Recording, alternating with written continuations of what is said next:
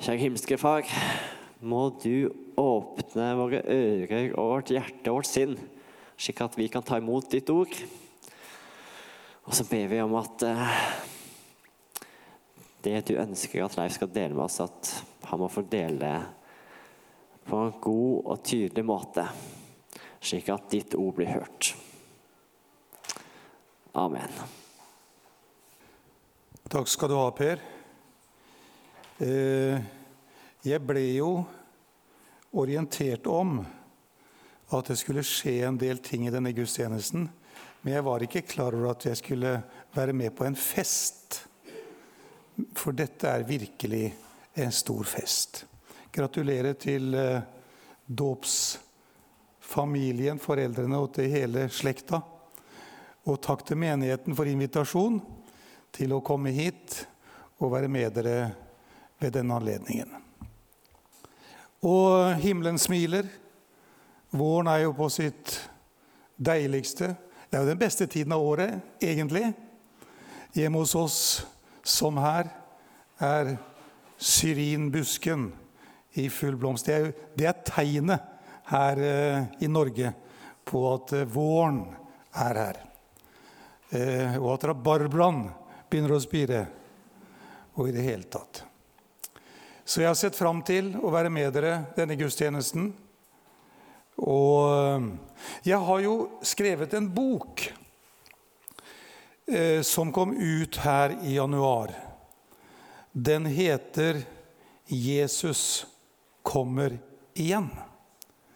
Og jeg har jo undervist om dette temaet eh, i mange år.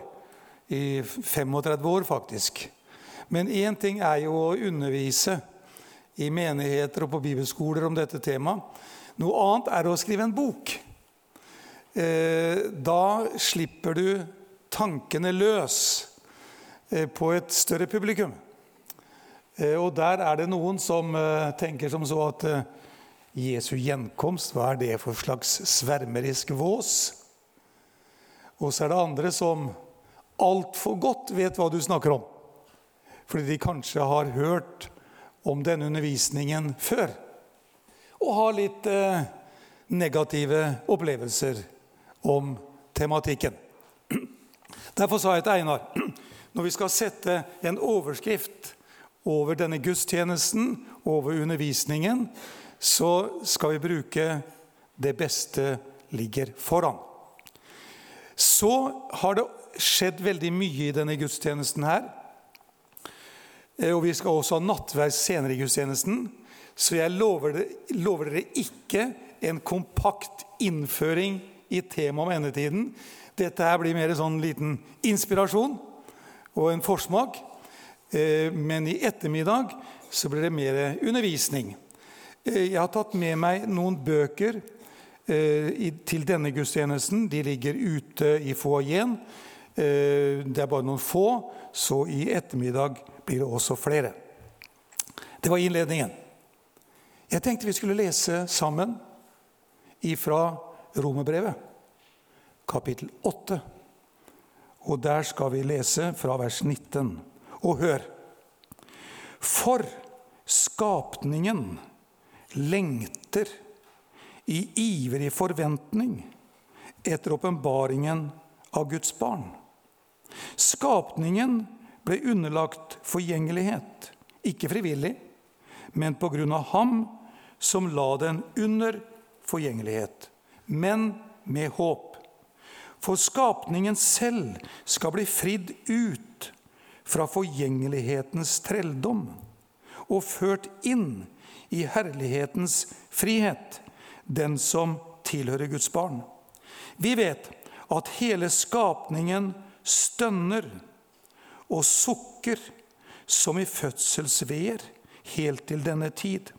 Ikke bare det, men også vi som har åndens førstegrøde, sukker med oss selv og venter med iver på barnekåret, vår kropps forløsning. For i dette håpet er vi frelst. Men et håp som blir sett, er jo ikke lenger noe håp.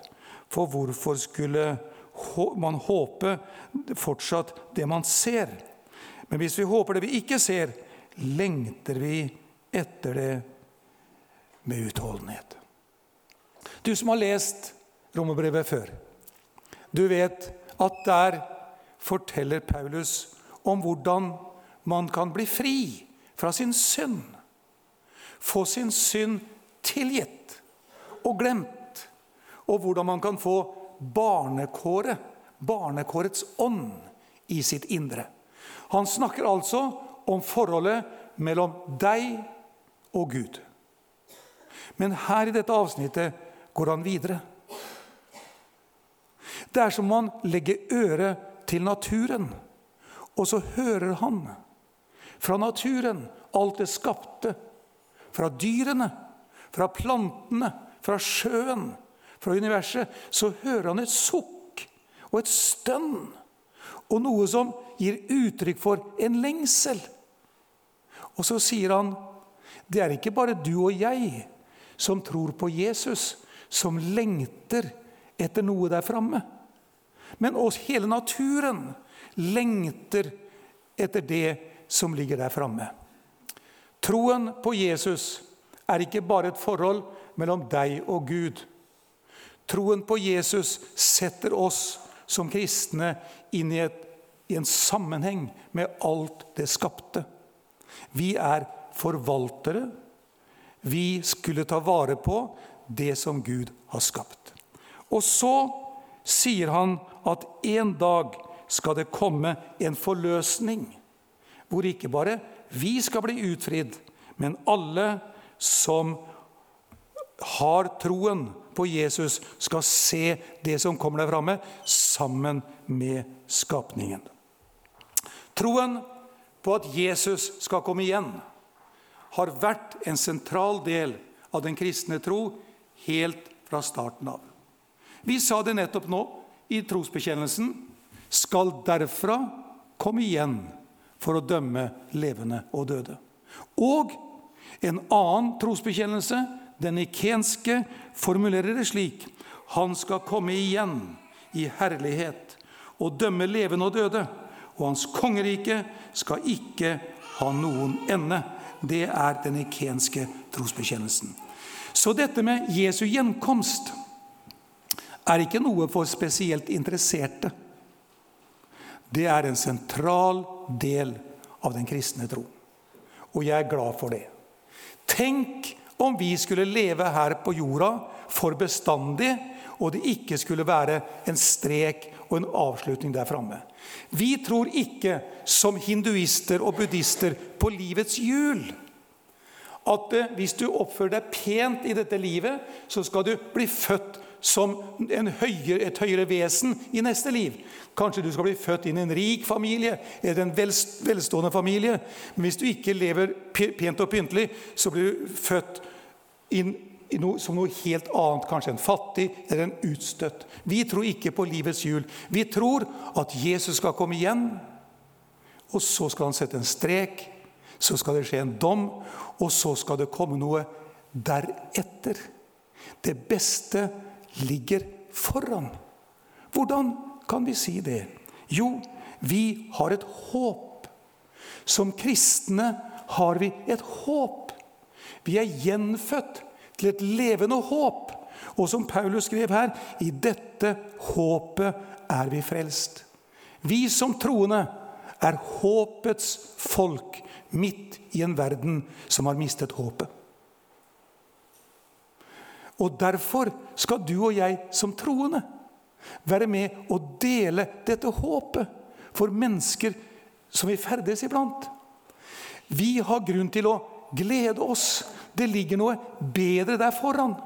Gud er med oss i hverdagen. Han er med oss her. Så det er ikke snakk om en virkelighetsflukt, men det beste ligger foran. Det skaper håp for hvert menneske. Du kan ta imot Jesus som din frelser, og du kan få håp for framtiden og også håp for det livet du lever. Vi ser framover, og vi ser på det som skal komme. Vi er kalt til å forkynne det kristne håp der hvor mennesker, vi møter mennesker. Dette med Jesu gjenkomst har ofte blitt vinklet feil ved at man har fokusert på dommen. Mye ild og svovel og det tragiske. Og det er en dom som ligger foran, men det som jeg ønsker å løfte fram, det er det kristne håpet. Og Jeg vil nevne noen helt konkrete ting. Bibelens undervisning om endetiden er mangfoldig. Og Det er mange ting vi kan gå inn i, og det skal vi gjøre bl.a. i ettermiddag. Men det er noe som står fram eh, som helt spesielt, og det er det kristne håp. Og håpet for verden heter Jesus.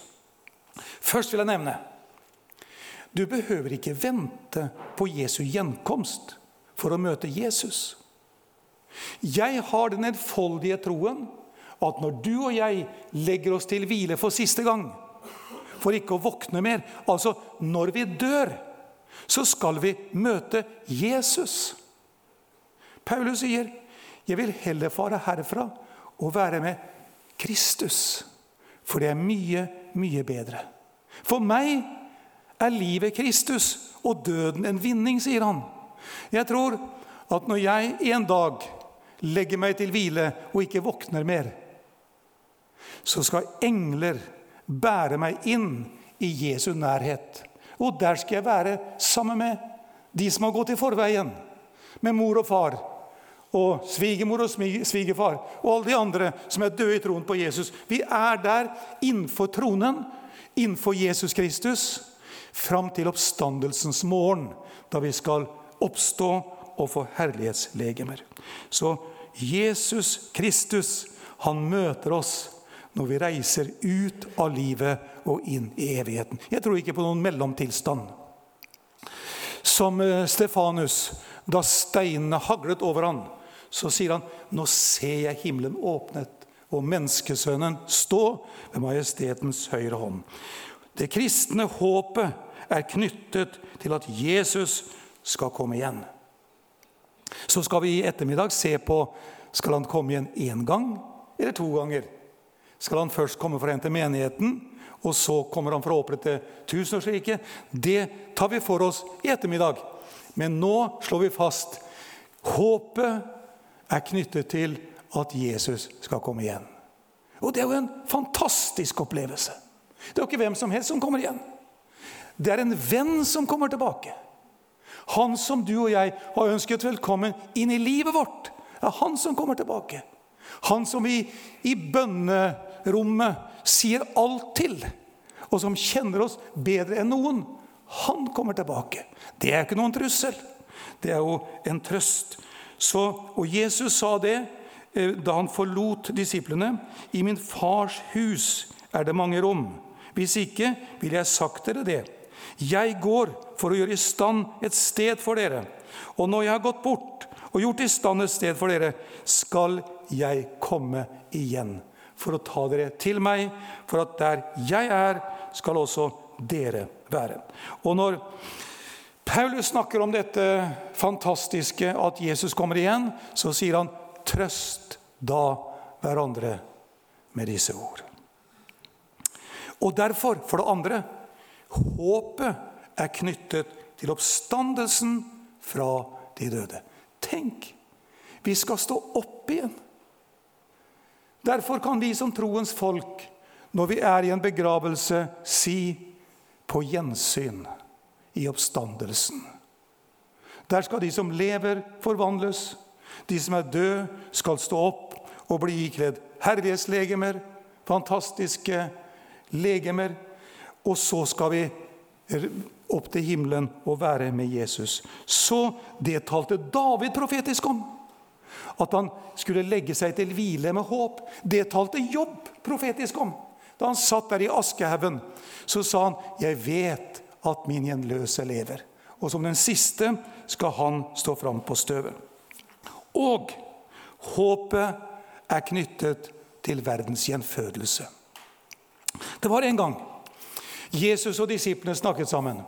Og Jesus sa til sine disipler i gjenfødelsen når menneskesønnen kommer i sin herlighet. Og så ga han dem noen oppgaver. Jesus snakket om en gjenfødelse. Jeg tror faktisk at denne verden som vi lever i i dag, den skal bli født på nytt. Hvordan da? Jo, når Jesus kommer igjen, så skal han opprette det Bibelen snakker om som tusenårsriket. Da skal det være en helt fantastisk tilstand. Vi som tror på Jesus, går inn i dette riket med herlighetslegemer. Og dyrenaturen skal forandres. Løven og lammet skal beite sammen. Barnet skal rekke handa ut ved huggormens hule, står det.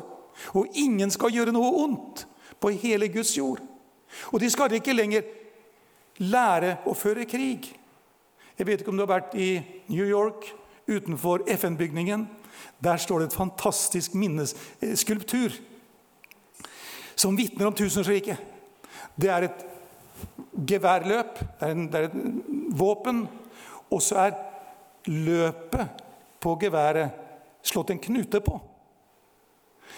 Så den dagen vil komme da denne verden skal få se 1000 år med fred. Slutt på krigene. Denne verden skal gjenfødes. Og det er som om Gud sier slik kunne denne kloden sett ut om det hadde fulgt meg. Så tusenårsriket, det er et fantastisk håp. Og så, til slutt Både til slutt i Bibelen og til slutt i min preken. Håpet er knyttet til en ny himmel og en ny jord. Det er ikke tusenårsriket. Men når denne verden og denne, dette kosmos viker til side, så skal Gud skape en ny himmel og en ny jord ut av en verden i brann. Og da står det at Gud selv skal bo iblant menneskene. Og de skal se hans ansikt. Faktisk, det er en sannhet når vi leser Bibelen. Det beste ligger foran. Og Derfor vil jeg avslutte denne lille andakten med å sitere ifra Eivind Skeies håpsfylte salme. Jeg tror på jordens forvandling. En gang, en tid, et sted. En framtid hvor Guds himmel til jorden senkes ned. En evighet av glede, da alt det vakre her blir løftet i Guds klarhet og stråler bedre der. Jeg flykter ikke fra verden, blant jordens minste små. Der finner jeg en framtid som jeg kan vente på. Ja, jorden skal forvandles. Dens natt går alt mot gry. Jeg tror at Jesus Kristus skal gjøre verden ny. Amen.